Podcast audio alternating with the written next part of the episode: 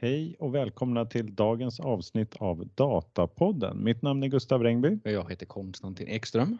Och jag heter Johan Odén. Välkommen tillbaka Johan Odén. Tack. Mycket trevligt att ha dig här igen. Tack. och glad är du också. Ja, precis. Jag fick ju precis innan det avsnittet reda på att ni hade rantat ner på mina tidigare artiklar innan Ja. det här Ja. Nej, det var inget fel på artiklarna, bara att de var Nej. gamla. Ja, det var mer ur- urvalet som var Ja, felet. ja, det är hårda eh, bud. Men jag har lovat att försöka vara snäll tillbaka idag. Ja. Och vi får väl be om ursäkt här. Vi gjorde ju det förra veckan. Ja. Så från, eh, från botten av våra hjärtan. Om du tog illa upp så förlåt. Nej, det var inte snällt. förlåt Johan, förlåt. No förlåt. offense. Ska vi köra på då? då? Vi kör så här att eh, jag börjar och sen sa vi att du Johan kommer med nästa artikel. Japp. Så avslutar vi med Konstantins. Så tre artiklar precis som vanligt. Så går vi igenom dem och så får vi se hur lång tid det tar dem. Japp. Så första artikeln är från en eh, bloggsajt som heter Data Monkey Site. Eh, och eh, det är från 23 februari kommer den här ut. Och artikelns rubrik är Implementing a poor man's lakehouse in Azure. Och man konstaterar här i artikeln då att förra året släppte Microsoft en artikel om hur man bygger en lakehouse på Microsoft-plattformen. Eh, och, eh, och säger det här att ja, och vad menas med det då? Med lakehouse här då? I praktiska termer så menas det här en lösning då med öppna tabellformat, säger han. Eh, Och eh, konstaterar att det finns lite olika kritiska röster till denna arkitektur som han tar upp här. Så till exempel en eh, old school dedicated pool kille eller tjej säger att det är onödigt komplext. Allt man ska behöva är källsystem, dataintegration och sen en dedicated pool, alltså en kolumndatabas. Det är alltså det syftar då till Microsofts kolumndatabas. Synapse Analytics eh, Dedicated Pool. Och där har man då sin multiparallella databas då. Om man gillar Databricks eller Snowflake så tycker man att den här Lakehouse-arkitekturen är lite fel på det sättet att det, man ska bara köra ett verktyg. Eh, och eh, han säger också att författarens kollega här har en, han har en kollega som är Azure Data Engineer som tycker också att det bara är förnuftigt att köra Azure Data Factory och SQL Server. Så det är inte, målar upp här i början i artikeln att det inte är en helt eh, självklarhet att det här är bara enda valet. Eh, men säg att man ändå vill då, som författaren här, vill ändå köra en lakehouse.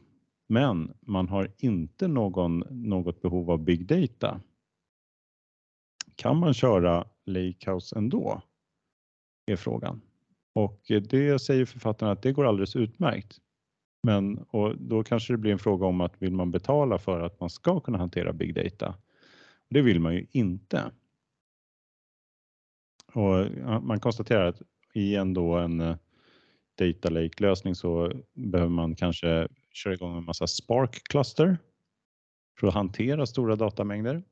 Och eh, kör man väldigt lite data så kan det vara en tung körning för att du måste ha igång med en massa då. Ett kluster eh, består ju inte bara av en virtuell maskin utan det är ett antal som ska köras igång för att köra någon typ av jobb då. Så kan man hålla nere kostnaderna och behålla Lakehouse-arkitekturen är frågan då. Är liksom tanken då med att implementera en fattigmans Lakehouse då. då. Och eh, då säger författaren att det går alldeles utmärkt. Man kör med DuckDB. Eh, I det. Tänkte jag kan visa, äh, prata här om vad, vad han, eh, hela idén här kring Lakehouse och så där kommer från att Microsoft eh, presenterade hur, hur de ser på en eh, Lakehouse-struktur. Eh, då. Och då refererar han till en bild då där man ser att ja, men enligt då Microsoft tanke här så ska man köra Lakehouset består av tre stycken lager av filer i en Azure Data Lake Storage Gen 2 med raw, enriched och curated. Så lite, först är det bara rådata, sen så är det eh, liksom lite finare form och sen curated då blir det liksom presentationslager och färdig för att konsumera. Och allt det här hanteras då att man transformerar datat mellan de här olika lagren i Synapse Spark Pool som då är Microsofts egna då, eh, möjlighet att sätta upp sådana här Eh, Spark Cluster. Spark Cluster är ju bara ett, en möjlighet att köra kod på distribuerad eh, miljö kan man väl säga. På flera virtuella maskiner. Ingen vet hur många det är men man får sin, eh, sitt arbete gjort då. Och sen så konsumerar man det här genom att eh köra antingen då Synapse eh, SQL Pool Dedicated. Så man drar in det sen i en kolumndatabas då. Eller så kör man med Synapse SQL Pool Serverless. Och då är det alltså, eh, Synapse består egentligen av tre olika delar då. Det är både den här Spark-poolen där man kan köra igång olika eh, Ja, behöver man köra fem virtuella maskiner som ska köra någon Python-kod så kör man det på det. Eh, och Synapse SQL Pool det är alltså att man får tillgång till filerna som om det såg ut som en databas och tabeller. Och så kan man köra eh, SQL direkt mot eh, eh, filer, men det ser ut som en databas. Och så den här dedicated är ju att det är kolumndatabas, då drar man in datat i en riktig databas och som dessutom är parallell och multiparallell och ligger på en massa olika noder. Så det är lite större motor, men man får lite snabbare query perspektiv. Så det är de tre, liksom, eh, eller de olika stegen då. Man har en lakehouse, man ska ha liksom preparera data och sen så konsumerar man då. Eh, och, eh, och då har författaren då idén om att man egentligen då byter ut, eh, om man ska göra det här på fattigmansmaner då, då byter man ut all den här transformationen med en komponent som heter DuckDB. Den tar över all transformation från raw enriched och curated som är de här klassiska stegen i en lakehouse. Då.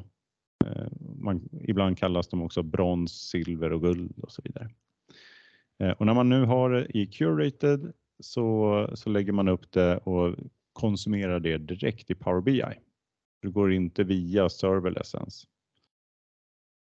Eh, men du kan också köra serverless eh, enligt hans modell. Då. kan man fråga sig vad är DuckDB här då, som han tar upp då? Och det är en liten open source verktyg för att egentligen skapa en databasperspektiv mot filer. Så man kan liksom köra SQL mot, eh, mot eh, ett gäng filer och så, så är, ja, så man kan köra och den är open source. Och det, den här lilla motorn är då, det är ju ett, ett databasperspektiv eh, och den är byggd för analys. Så det här är ju liksom själva syftet med den. Då. Eh, man kan, jag läste på DuckDBs hemsida här också, varför namnet kan man ju fråga sig. Då skriver de att eh, ankor är makalösa djur. De kan flyga, gå och simma. De kan leva på nästan vad som helst. De klarar av väldigt många olika miljöer. En ankas sång kan för, föra döda tillbaka till livet och inspirera databasforskning. Det känns självklart. Det är nästan Nobelpriset i litteratur ja, här. Jag tänkte på det också, det var väldigt djupt. De är därför perfekta maskoten för en robust och flexibelt databassystem. Och så blir logon självklar också, konstaterar de. Så där har vi DuckDB. Eh, men man kan inte bli av med den här, apropå då att eh, man vill ju någonstans konsumera det här sen. Man har preppat data till curated-lagret, eh, men massa, där ligger ju fortfarande en massa filer. Och då behöver du konsumera det Antingen kör du Power BI direkt eller så kör du Synapse Serverless. För DuckDB klarar inte av det. Det är liksom inte en SQL endpoint för allehanda behov då. Eh, så det, det är väl lite grann eh, den här settingen då. Hur ska man köra DuckDB? Konstaterar han att det lättaste sättet att köra det är att man eh, enkapsulerar i en Azure Machine Learning Service Notebook. För att i Machine, machine Learning Services, där kan man köra bara en virtual machine också. Det är inte som att man kör ett kluster som man gör i Spark Cluster, utan där kan du köra en, bara en enda. Och då är den lägsta kostnaden, det är att du kan köra en, en virtuell maskin med en processkärna som kostar 8 cent i timmen. Den har auto shutdown och man kan schemalägga körningar. Då kan man hålla nere kostnaden rejält då. Eh, ja, vad blir det då? Det blir 80 öre då i timmen kanske ungefär. Han har testkört det här då, sin uppsättning här eh, med eh, då har han kört det på 3 gigabyte data. Eh, en huvudtabell på 60 miljoner rader. Och så kör han eh, 22 queries. Hela pipelinen tar 2 minuter och 37 sekunder att köra.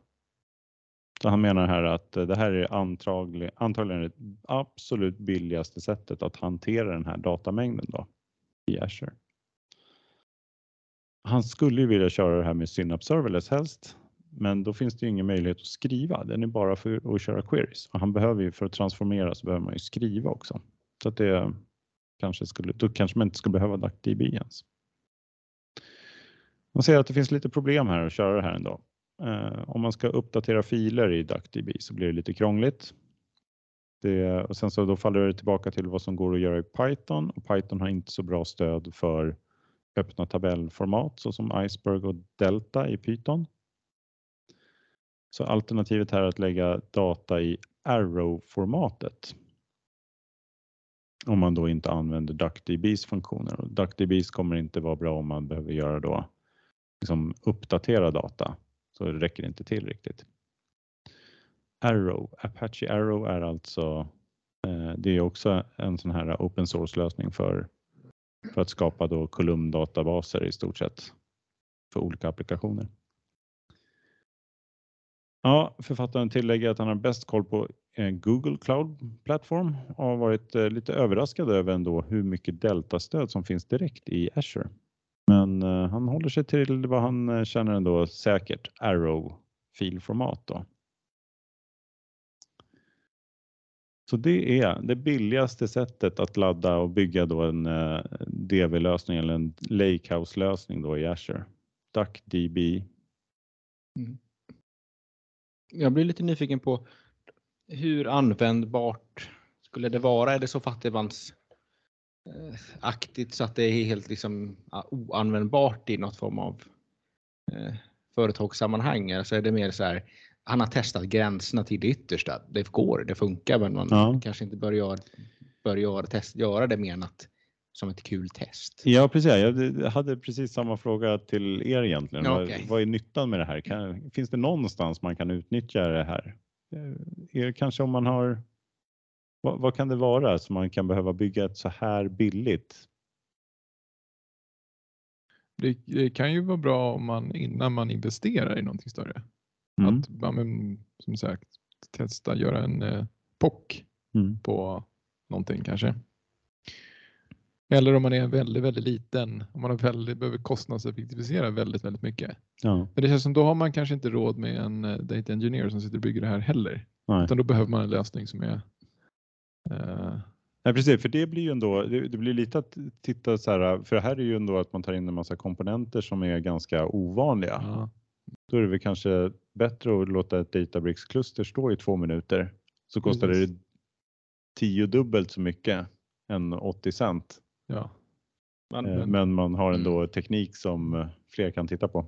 Men har man så enkla datakällor så kanske man kan använda Power BI direkt bara. Ja, precis. Alltså man behöver inte Eller ha det här in. Ja, bara. ja men precis. Ja. Mm. Eh, om det ska vara så enkelt. Ja, ja jag, jag, vet inte, kanske att det kan vara om man vill eh, förbereda datat i någon edge-teknik så kanske den här DuckDB skulle kunna vara mm. en bra komponent att ha. Jag vet inte, du kanske sa det, men jag jag missade det, men du använder SQL eller Python i DuckDB? Nej? Eh, Eh, i eh, jag, tror att eh, den här DuckDB har ju, den, du kommer åt liksom parquet-tabeller, parquet-filer och kan skriva SQL på det. Mm. Men sen så tror jag att du kan alltid liksom skriva Python. Den är ju liksom en komponent som du kör i, i en Python eh, situation så att Ja, säga. Jag gjorde lite research på den där. Jag, blev, jag hade inte hört talas om den innan men blev lite nyfiken. Den Mm. är ju implementerad med eh, Pandas, Mm. Ja, alltså Python-biblioteket. Ja. Ja. Så det är det den kör i botten. ja. Eh, och sen verkar det vara en, en eh, eh, avknoppning från SQLite-projektet. Det är många som jämför det med SQLite som är en sån liten mini-SQL-motor Mm. som man kan köra mycket inbäddade grejer och sådär. Men då är den ändå kompetent att kunna hantera lite komplex JSON om man får liksom lite meddelanden som kommer på något sätt. Nej, också. JSON ska den ha, kunna Ja. hantera. Som Pandas kan hantera kan den. Ja precis, ja, men då är, då är den kompetent nog. Yes. För det, det kan ju vara lite begränsat om man bara har SQL. Ja. Eh, Och sen, Mm. jag blev lite nyfiken, du pratade om här Gustav att då han hade kört den på någon Azure ML eh, grej. Men jag tolkar det som Ja. att den har, han, det är bara för att han vill hitta en, en kostnadseffektiv VM egentligen. För det här Ja. är no, liksom en, eh, en executable som man måste köra på en Windows-maskin.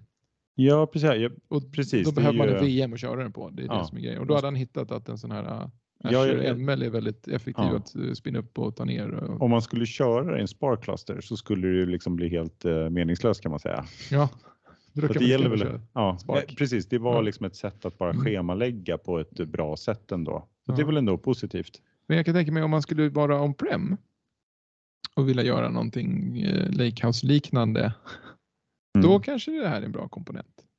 Om man, Ja, för man just det. hostar den själv då på en egen eh, server. Mm. Eh, För den verkar ju rätt cool den här DuckDB ändå.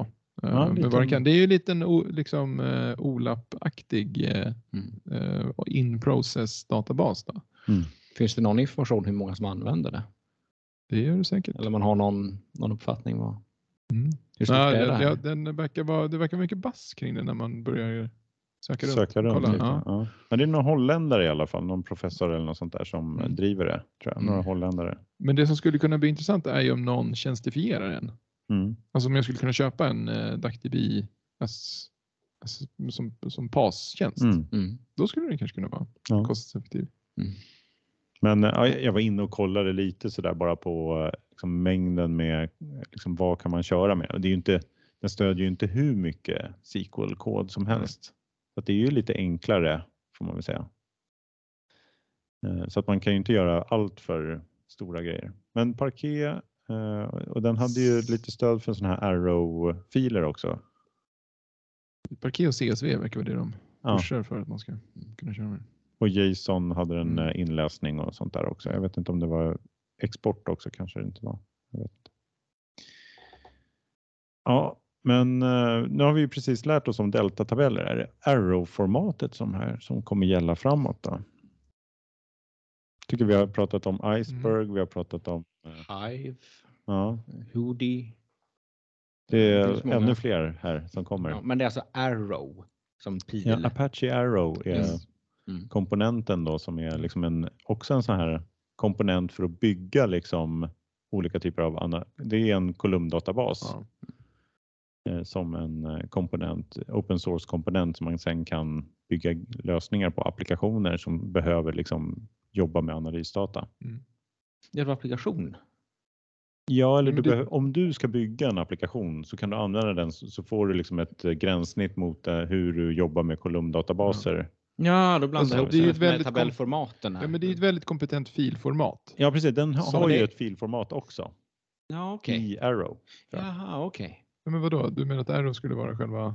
Ja, Arrow har, in, det är inte bara ett filformat utan det är liksom en, det är en komponent också hur du hanterar det här filformatet. Då. Mhm. Eh, så. så uppfattar jag det som i alla fall. Vi får, Vi får gå gå tillbaka här och kolla. Ja. Ja. Får gå till Apache Arrow här och kolla Mm. lite. Ja, ja, men det är många så här open source komponenter här och lite grann så tog jag ju den här artikeln på att det är ett roligt namn och Ja. man blir lite nyfiken. Om finanka. Men lyfter inte det här lite, lite grann ett eh, problem här med Lakehouse som arkitektur? Att det är liksom relativt intetsägande efter de, eftersom det finns så många sätt liksom och filtyper och hur man hanterar historik och compute och allting eh, som, eh, som liksom döljs bakom det. Så man kan verkligen mena helt olika lösningar och prata Lakehouse på något sätt. Han, han pratade ju lite om det i början här att ja, men, eh, ja, förvisso finns det de här andra data engineers som säger ja, bara jag har en databas här så löser jag det. Varför mm. hålla på med det här? Det är väldigt många val får man väl säga. Mm. Det är lite, lite lurigt va? Och, och, man kan liksom prata med någon som och tror att man pratar om, pratar om lakehouse-arkitektur så tror man att man pratar om samma sak. Ja, det blir väldigt brett. Mm. Och det, men det gäller ju all teknik. Alltså det kommer ju, som bara vi pratar filformat här, så bara ploppar upp nya grejer hela tiden. Alltså det, och det, även om man skulle köra en dedikerad databas, traditionellt data warehouse, så är det ju samma sak där. Det börjar komma väldigt många varianter och olika typer av databasmotorer man kan köra. Mm.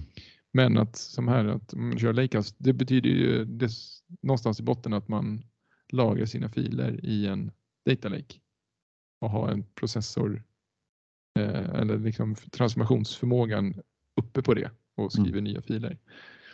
Det är väl någon liksom basdefinition som räcker. Sen hur man transformerar, vilka lager man har och vilka komponenter man använder. Som du säger, det är ganska öppet ja. och ganska brett.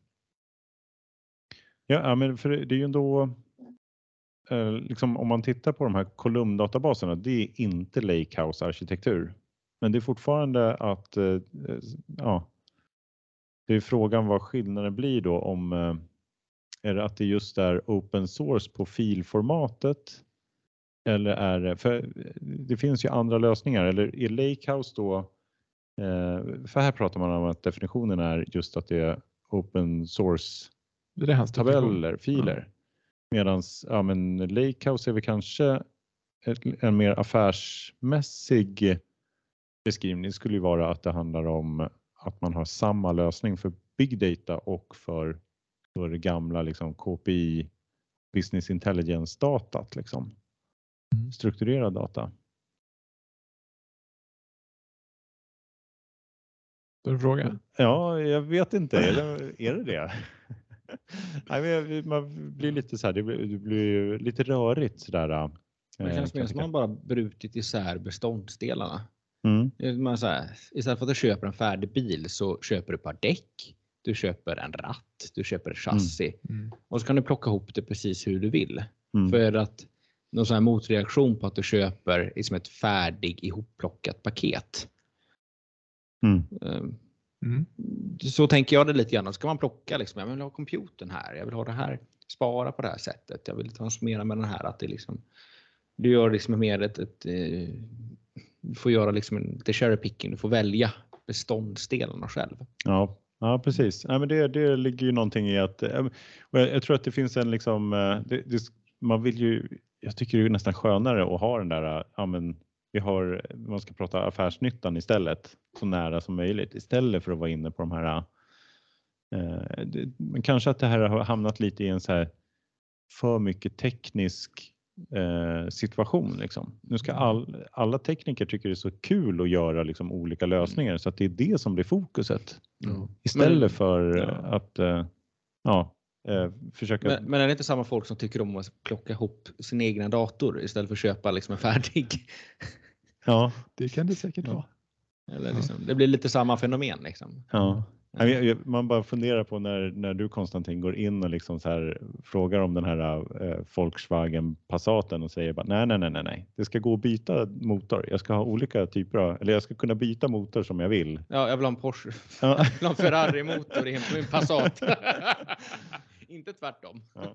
Det är väldigt viktigt. Jag ska förvisso använda den här och åka till, till liksom jobbet, men det måste gå att liksom ha en helt annan motor om jag skulle vilja. Om du vill racea så ska du kunna göra det. Ja, precis. Mm. Och det, om tre år kanske jag vill byta motorn. Mm. Då vill jag inte ha den här. Nej. Ja. ja, men det är spännande. Mm. Ska vi gå vidare? Ja, får jag, vi har pratat jättelänge om det här nu, men mm. en sista så här, jag tänker Lakehouse det är någonstans en, en klusterbaserad skalbar lösning. Mm. Att det, liksom, det bygger på att man kan skala upp och skala ut väldigt bra jämfört med en traditionell databas. Men att då introducera en sån här uh, single node komponent som den här Dactibin, det blir ju Alltså det, det är lite motsägelsefullt då. Ja, det är så verkligen det, fattigmans. Det är verkligen fattigmans ja. Lakehouse och det känns någonstans som att då tappar man lite poängen med ett Lakehouse. Ja. Så att jag tror att det är mer en rolig övning det här än någonting som faktiskt går att använda. Mm. Känns det som. Nej, precis. Min slutsats. det känns nästan som man i sådana fall ska man hitta något annat tillfälle som vi pratar här om, DuckDB. Det kanske finns något annat tillämp.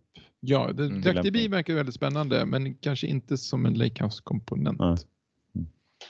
ja, men jag tycker vi går vidare där. Yes. Ska jag ta vid då? Yes. Yes.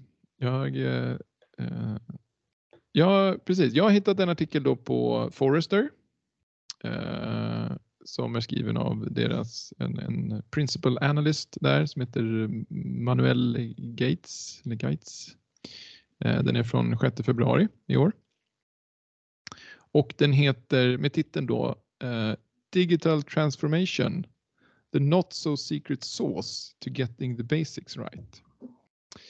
Um, och eh, den här handlar om då att eh, digital transformation som ju alla håller på med, har gjort ett tag, eh, menar han på är eh, ökänt svårt. De har gjort en undersökning här på Forrester, eh, deras eh, Business and Technology Service Survey från 2022 med 1300 respondenter där nästan alla tillfrågade säger att de har problem med sin digitala transformation. Eh, och de som inte har det, de eh, ser framför sig att de kommer få det. Eh, så det, det, verkar som att man, man ser, det är, det är svårt att, med sin digitala transformation. Men han menar på att det, det betyder inte att det finns någon hemlig sås här som några få enstaka har hittat för att lyckas. Utan att det är egentligen ganska enkelt. Jag gillar ju att dra paralleller med träning. Det har vi gjort tidigare här och pratat maraton och sådär. Han gör också en parallell här. Det är att, att lyckas med sin digitala transformation är som, som en eh, träningsplan eh, eller en hälsoplan. Då. Eh, det är inte som eh, att man kan läsa på löpsedeln om alla kändisknep för att se smal och snygg ut. Om man bara gör the secret sås liksom. Utan det handlar om att man måste, det finns inga genvägar, man måste börja med grunderna och eh, vara liksom, eh, noggrann och göra en sak i taget. Så eh, han har då identifierat tre stycken problem här. Eh, de stor, största problemen då som, som dyker upp i den här servern. Eh, och han har kategoriserat så att den, den vin, det vinnande problemet, det värsta problemet, eh, det är att sätta eh, transformation som en sidosyssla för sina medarbetare. Um, och att man inte dedikerar resurser utan det blir liksom alltid i andra hand uh, och en ryckig transformation där man får ägna sig åt brandsläckning och annat egentligen uh, och inte hinner med det här. Det är det värsta. Uh, och sen har han nästa då som man kallar för den uppstickaren och det är att man har funktionellt tunnelseende. Det vill säga att man, man fokuserar alldeles mycket på funktionella krav och en funktionell roadmap eh, och, och missar eh, eh, egentligen då data i botten. Eh, jag tycker han drar en lite rolig parallell. Det brukar, bli, det brukar dyka upp sent i projekten och resultera i eh, att man får spela whack-a-mole med eh, diverse datarelaterade problem som poppar upp överallt.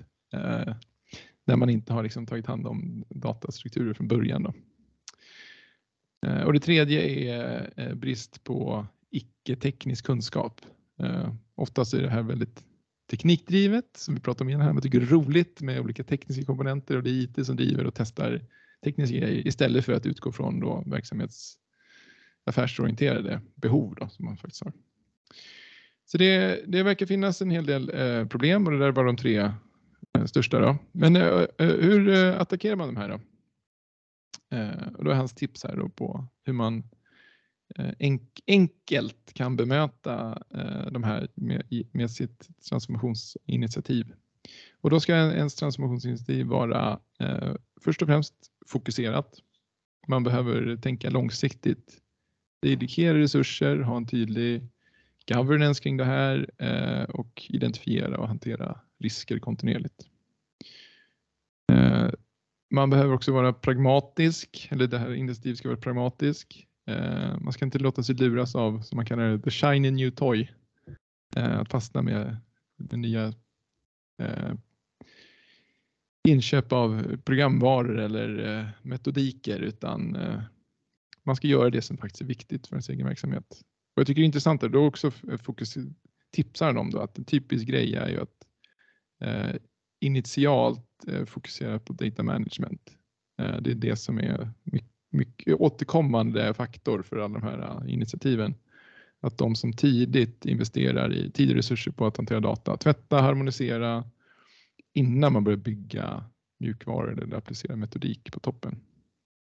Det är kul att höra när man jobbar med data som vi gör. Äh, och det sista då är att det ska vara bolagsöverskridande.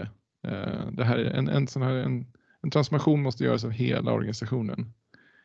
Inte bara teknik eller IT-drivet. Då, att det ska vara, oftast landar det i knät hos IT. Och det är inte bra. Så eh, sammanfattningsvis då, det finns inga genvägar till det perfekta Ja, vi alla vet hur det där den perfekta transformationen utan man måste börja med grunderna och ta en sak i taget. Så det var hans, det var... Mm. Det, kan du ge några exempel på sådana här digitala transformationer? Ja, allt, jag, hörde, jag lyssnade på era poddar häromdagen och ni pratade om de här eh, amerikanska trafikverket, vad heter de? DMV. DMV, där man började mejla in blanketter och så var det, eh, skulle man skanna blanketterna innan och det var någon sån eh, funktion som skulle Och då frågade du Konstantin, men kan man inte bara fylla i ett formulär på webben? Eh, det är ju en typisk digital transformation. Alltså man vill digitalisera sin business så att man inte behöver göra massa manuella grejer utan det ska automatiseras med tekniska hjälpmedel. Eh, och det här är ju, jag, är vi ju mitt uppe i och har ju hänt väldigt mycket de senaste tio åren att man övergår från eh, manuella operativprocesser till automatiserade digitala. Mm. Men det de gjorde var väl också en digitalisering? Det var bara det att det var lite knasigt tänkt. det var ju en typ av digitalisering, ja, men det var, eller det var mer liksom en automatisering ja. med någon sorts digitalt hjälpmedel av en specifik eh, del i den här manuella Det var inte organisationsomfattande? Nej, det kan man, kan säga. Man säga. Ja, eh. mm. ja, men det är kul att höra här. Han lyfter ju fram just eh, datat mm. som en viktig del. Säga. Men hur ska man, om man nu eh, har läst den här artikeln, hur kan man eh, och man är Head of Data Analytics, hur kan man utnyttja den här insikten som, som man har fått? Är det någonting man kan göra? Ja, de refererar ju till sina knep här från Forrester. Men Ring vi, mig. ja, exakt. Men vi kan väl resonera kring det också. Det är mm. ju, men just det här att, att det finns inga det finns ingen eh, kan secret sauce. Nej. Alltså det hjälper inte att köpa in eh, eller liksom ta in någon speciell metodik eller någon specifik produkt utan mm. man behöver jobba från grunden. Eh. Men är det inte bara ett sätt också att försöka inte göra allt för stort på en gång? Jo. Mm. Man gör liksom lite testskott och testar mm. liksom hela vägen. Liksom små pockar eller små piloter. Liksom mm. att, och försöka sätta grunden först och sen expanderar man.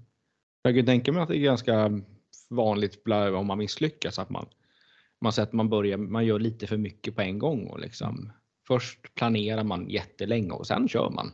Mm. Det är inte riktigt så det fungerar. Nej, men det Utan liksom en liten grej och sen, ja men den funkar och så bygger vi på den och sen så har man någon form av målbild om att hur det borde se ut mm. och sen så när man har kört den här iterationen gånger, då har man nått den här målbilden och då kan man mm. liksom slå på stora trumman. Och... Mm. Men det är som att eh, man äh, äh, drar paralleller med träning. Man kan liksom inte sikta på OS direkt och tänka att nu kör vi. Man får börja med kanske gå till gymmet en dag i veckan och mm. börja träna liksom, och få till en bra grund. Mm. Sen kan man bygga vidare. Det är ju tråkigt. Det säljer ju inte så bra. Mm. Man vill ju hellre köpa in den där grejen som löser alla problem och ta den i mål. Men det, man måste ta det en sak i taget. Man måste lära sig krypa innan man kan gå. Mm. Man måste gå innan man kan springa. Mm. Nej, det är väl det här någonstans så kan det bli så att man om man inte räknar med det här dataproblemet mm. så tror man att det är mycket billigare och det är mycket enklare än vad man eh, vad man eh, liksom satsar. Mm. Eh, och det kanske gör att man vågar satsa men sen så det blir också ett misslyckande ju ännu dyrare. Känner ni igen er i de där tre problemformuleringarna? Kan du ta dem? Alltså de är eh, att man dels har transformation som en sidosyssla.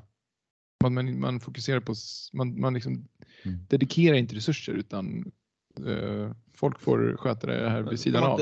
Ja, fast jag har läst någon gång att man ska liksom inte tänka att man liksom förflyttar sig mellan, mellan olika steady state. Utan att liksom embrace the change. Mm. Alltså, det är, det är konstant förändring. Lev med det. Mm. Att man på något sätt liksom, det, det, handlar om mindset och det handlar liksom, det är inte bara hos en person utan det är ju som bolag att det händer ständigt hela saker. Det är alltid någonting som förändras. Det är alltid något som kommer upp. Att mm. man liksom man lär sig organisatoriskt att arbeta med det. För jag menar, om man ständigt har på, jättemycket förändringar på, ja men då lär man sig till slut att hantera det och då blir det också det normala. Och då lär man mm. sig att hur man gör för att då blir många eh, situationer, de är inte så himla unika som man ändå tror. Nej. Jag håller med. Jag tycker den som handlar som vinnare, just den att ha det som sin syssla, den känns, den känns inte eh, klockren. Så. Utan det är ju någonting som man behöver lära sig leva med. Att kanske mm. både kunna förändra och göra det man ska samtidigt. Mm. Eh, men jag tycker de andra två, eh, alltså att ha funktionellt tunnelseende, är en klassiker som mm. jag tycker många stöter på hela tiden. Att man glömmer data, mm. bara fokuserar på funktion. Och just den här, jag tyckte det var, en klockren eh, parallell där, så att man får spela whack-a-mole med sina dataproblem mm. ja. i, i testfasen. För när man väl börjar testa och släpper på slutanvändare och faktiskt se om det funkar till det hela vägen, mm. då upptäcker man att nej men, den här kundbilden här var inte den som visades där och det var inte den som var det. Och, um, jag ger väl lite ammunition också till eh, den här eh, egentligen nu som vi har sett också som ska vara trend 2023, data governance-trenden. Mm. det här behöver ju inte bara röra dataplattformen utan det handlar om att ha koll på data i alla delar och inte bara ja. det som man drar in i en plattform egentligen. Mm. Knyter an det här till min tråkiga röda tråd om säkerhet och governance. Precis. Som ni applicerade förra gången. Ja. Inte tråkigt. Ja, det, du, du, du gör den rolig Johan. Ja. Mm. Precis, vi, vi uppskattar dig i alla fall. Ja, även om data governance är tråkigt. Ja. Så är det ett måste. Ja, det är det. det, är det. Ja, vi är så glada att du är här. Eh, men ska vi gå vidare? Ja, jag har precis som dig fastnat för en liten clickbaitig artikel den här veckan. Jag hittade, scrollade igenom och såg en rubrik. Så får du realtidsanalys att fungera på riktigt. Sju tips.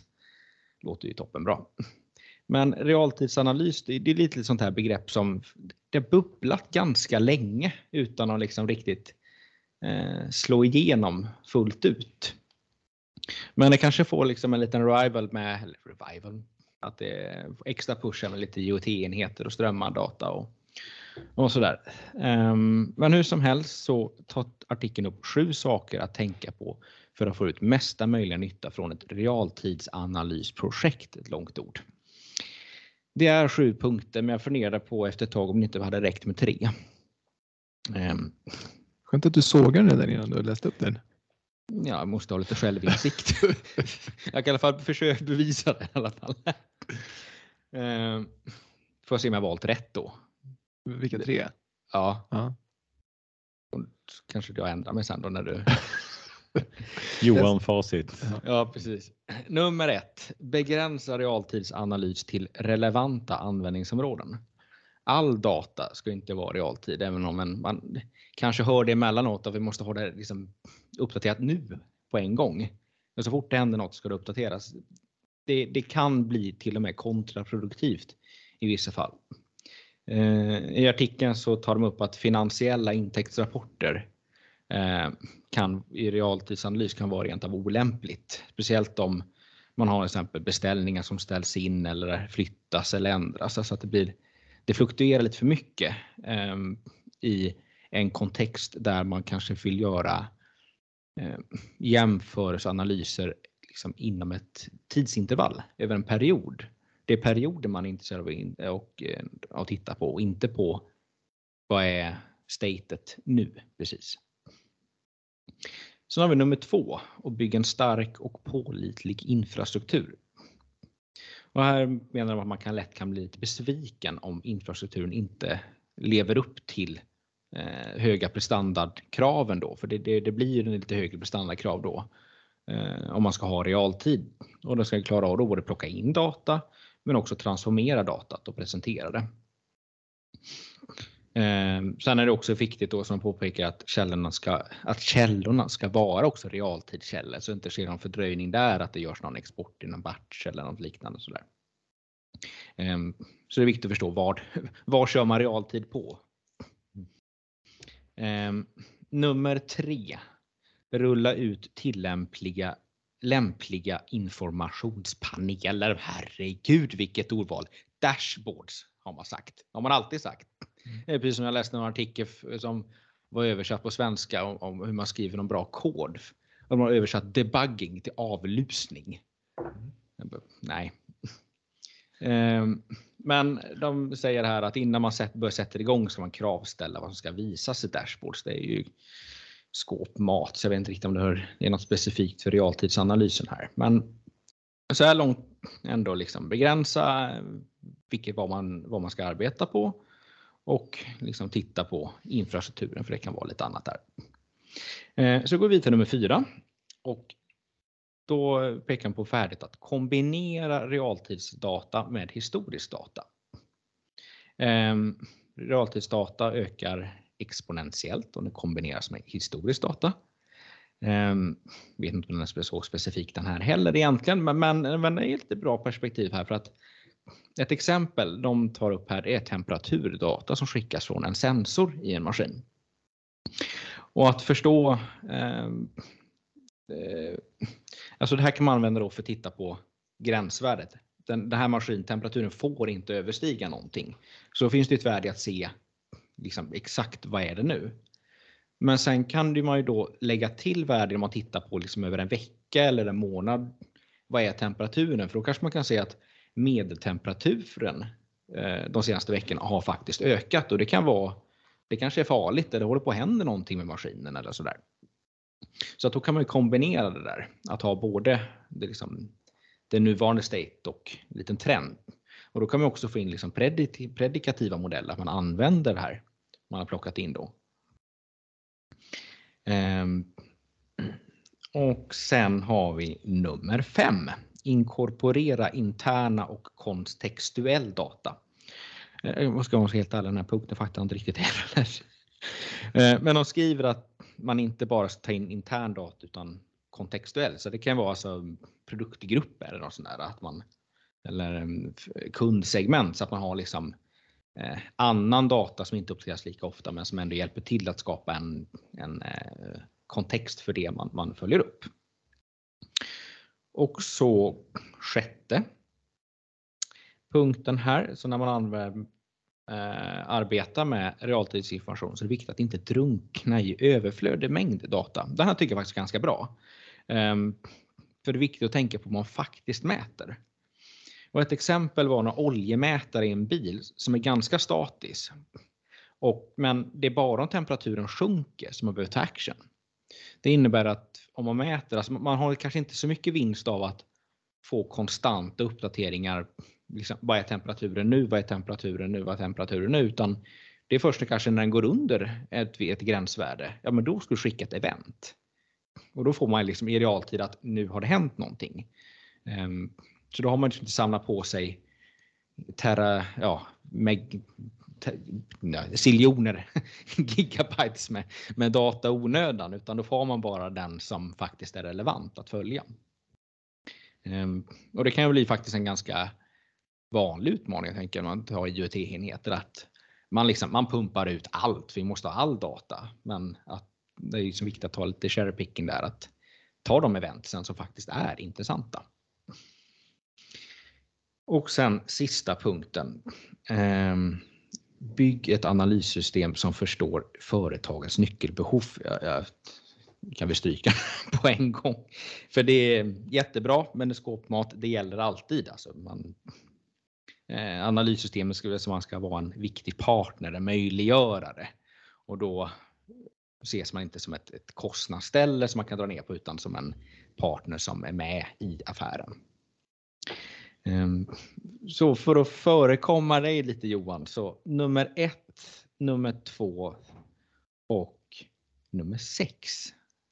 Det var uh, dina det var favoriter. Ja, ja men de, de var begränsa till relevanta användningsområden. Tvåan var Två byggen infrastruktur. Precis. Och vad sa du sen? Eh, sexan.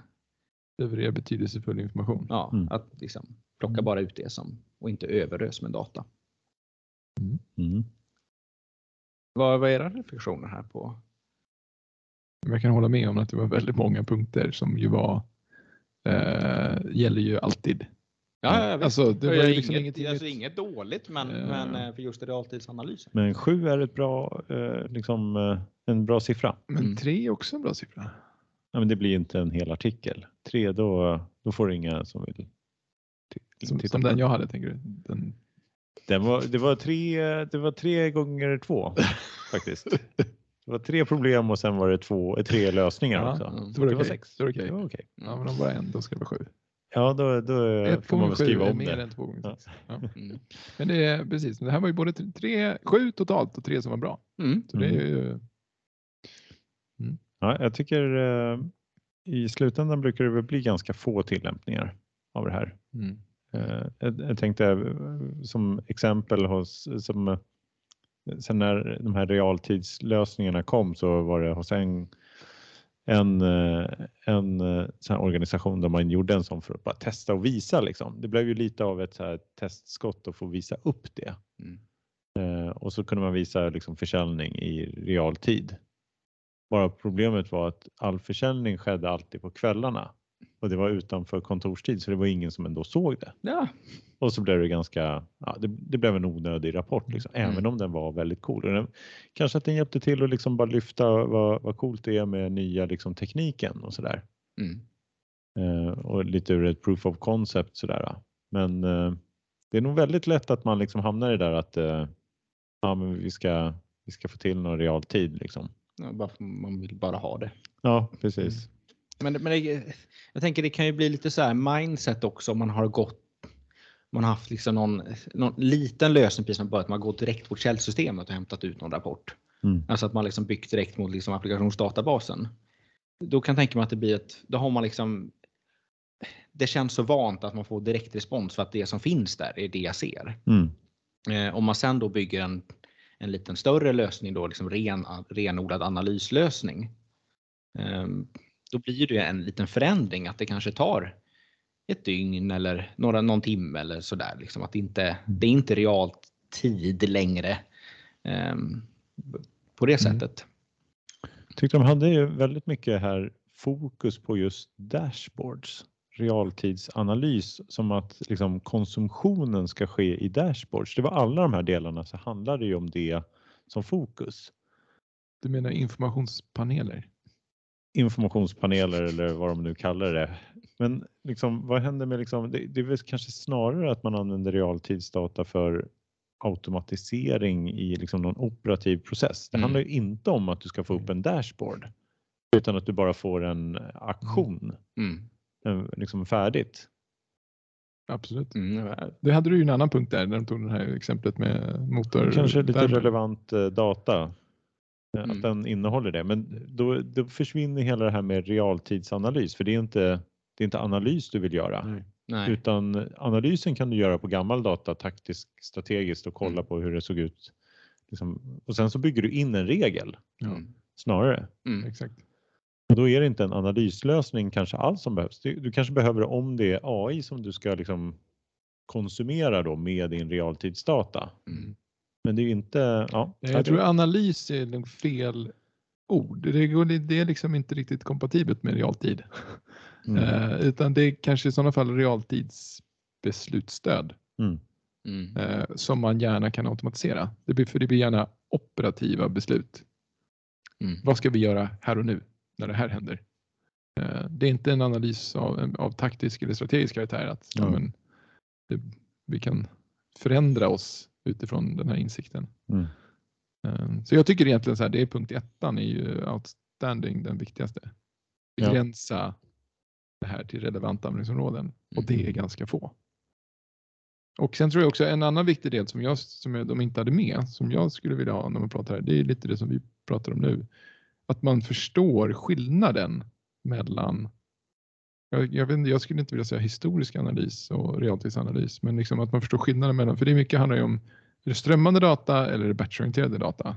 Om man nu har ett datahatten på sig. Mm. Så det är det som är den stora skillnaden.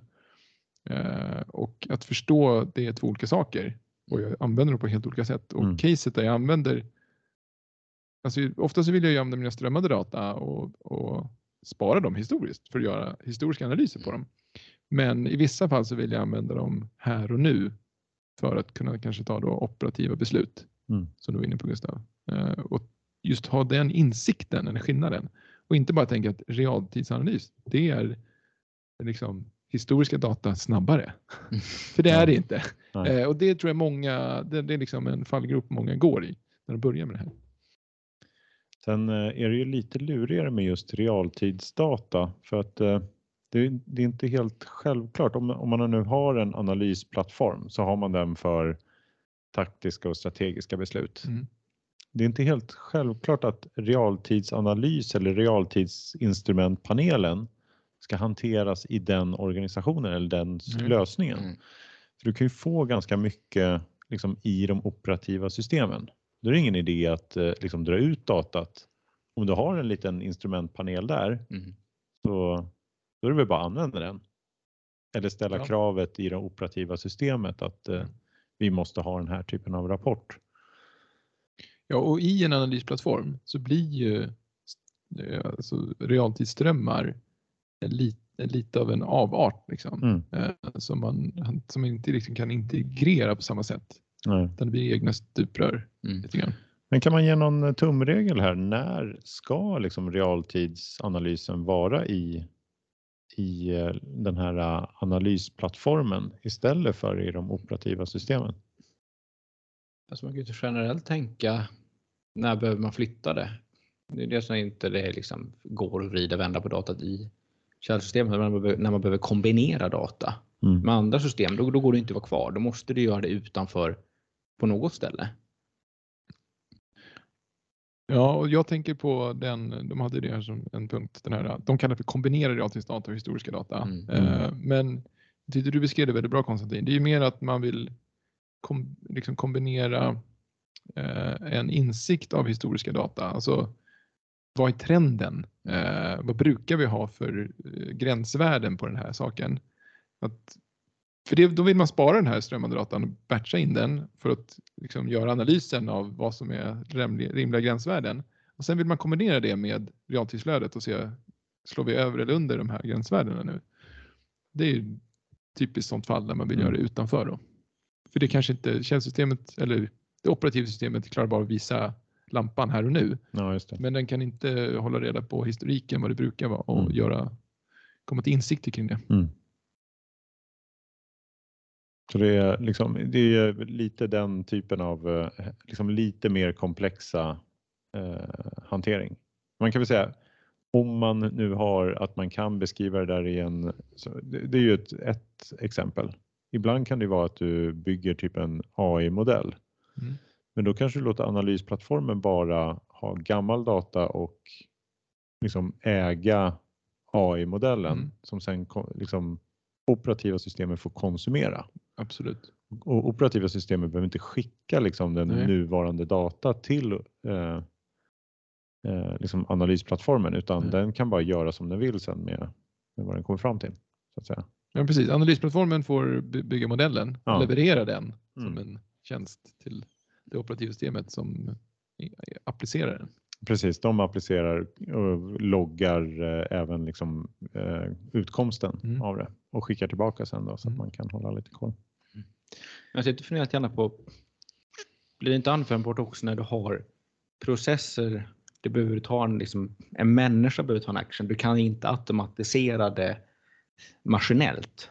Det vill säga, en människa måste åka ut till en plats och göra en service på någonting inte vet jag, transformatorstation. Mm. Och så vill man kombinera så att okej, okay, nu har den här transformatorn gått sönder. Ja, men då vill vi också skicka iväg eh, liksom i rapporten då vad har gått fel? Var ligger den? Vilka verktyg bör man ta med? Något, sån här, något kretskort man behöver byta. Jag vet inte om det sitter kretskort i transformatorstationen, men, men då det går inte bara att automatisera liksom och skicka vidare beslutet utan då ska man ändå föda ett hopplock av data till någon som ska göra någonting och mm. det behöver ske pronto. Mm. Vi kan inte vänta till imorgon och tills kunderna ringer och säger att vi har ingen el utan här är det. Mm. ja, ja, ett. Mm. Möjligt. Jag tänkte på, jag eh, hade eh, för länge sedan så byggde vi en eh, säljrapport i en organisation som den skickades ut. Sälj, försäljningen var klar, liksom hade, var klara med dagens försäljning precis vid 12. Eh, så då skickade vi alltid ut så där en liten säljrapport så där klockan 12 som gick ut så man kunde se exakt hur dagen har gått. Någon gång blev den där eh, rapporten sköts fram lite grann. Den, den tog lite längre tid att samla ihop datat. Så den kom kanske vid eh, halv två. Men jag kommer ihåg att äh, här, vdn på det här, det var ett ganska stort bolag, eh, funderade liksom vid halv ett, så här, vad, är, vad är den här säljsiffran? Var är den? Eh, där, det jag funderar på där, liksom, det, är, det var ju helt okej. Okay. Den kom ju sen lite senare och sådär. Men ska man verkligen skicka den där klockan 12? Det är nästan så att man, man kan inte göra någonting i det där fallet. Kan man inte göra någonting klockan 12? Man måste ändå man vänta till klockan 9 liksom, eller 8 på morgonen. och det är nästan så att man bara sover sämre. Ja, det, det var 12 på natten. Ja, 12 på natten. Kom ja, den, okej, på natten. Jag tror ja. mitt på dagen. Tänkte sa mitt i lunchen. Mm. Ja, det, det, hade ju varit jobbigt, men det här var ännu värre då. Mm. För det störde ju bara sömnen kan jag tänka mig. nu eh, kunde vi inte säga till vdn att sen, du får inte rapporten. Men, precis. Utan vdn fick ju liksom om, om vdn ville. Men eh, Ja, men kanske att det skulle vara bättre ändå att lägga den klockan liksom. Ja, absolut. Det ska, ju, ska man vila ibland också? Ja, men den ska ju visas när det är relevant. Ja. Liksom. Eh, jag såg ett case här nyligen om, om eh, kopplat till bemanning där man behöver vara, alltså det är någon som ska bemanna eh, verksamheten och den är beroende av hur mycket orderingång det kommer och, och äger liksom inte den siffran men behöver få den matad till sig. Så, men nu gick orderingången upp. Nu mm. behöver vi staffa upp för att kunna hantera den. Mm. Det är ju ett bra case där man liksom mm. inte är en del av den operativa processen som då eh, pushar att min process behöver skala. Mm. Då, det känns också bra, när man, när, för då har man inte tillgång till den källdatat på annat sätt kanske. Mm. Nej, precis. Mm. Ja, vi har väl eh, lärt oss någonting idag i alla fall också. Mm. Eh, att det heter grann... informationspanel på svenska. Mm. Ja, precis. Informationspanelen. Och att ankor, vad var de? Ja, men, de var det mesta. Jag tror ja. Eh, om, om något så har man lärt sig eh, DuckDB, Arrow, om ni inte har hört det tidigare. Jag hade inte hört om den tidigare. Nej. Lite grann liksom, som olika termer som man kan slänga med mm. för att verka hålla sig ajour här. kan man säga. Och sen så har vi väl fått reda på att datahanteringen är viktig också för den digitala transformationen. Ja, tråkig men viktig. Säg mycket, inte, mycket Säg inte att den är tråkig. Nej, jag vet. Det är ju sjukt kul det här. Ja. Ja. det lät övertygande. nu, nu, nu låter, ja precis, väldigt ironiskt. Tack för att jag fick vara här då. Ja, tack. Så jag får se om det längre dröjer till nästa gång. Efter det här. Nej, inte alls för länge hoppas Nej, det hoppas vi att du kommer så fort som möjligt tillbaka i realtid. I tack så mycket för idag. Tack, tack så mycket. Tack, tack. Hej då. Hej. Vakna klockan fem, det är mörkt nu igen som om idag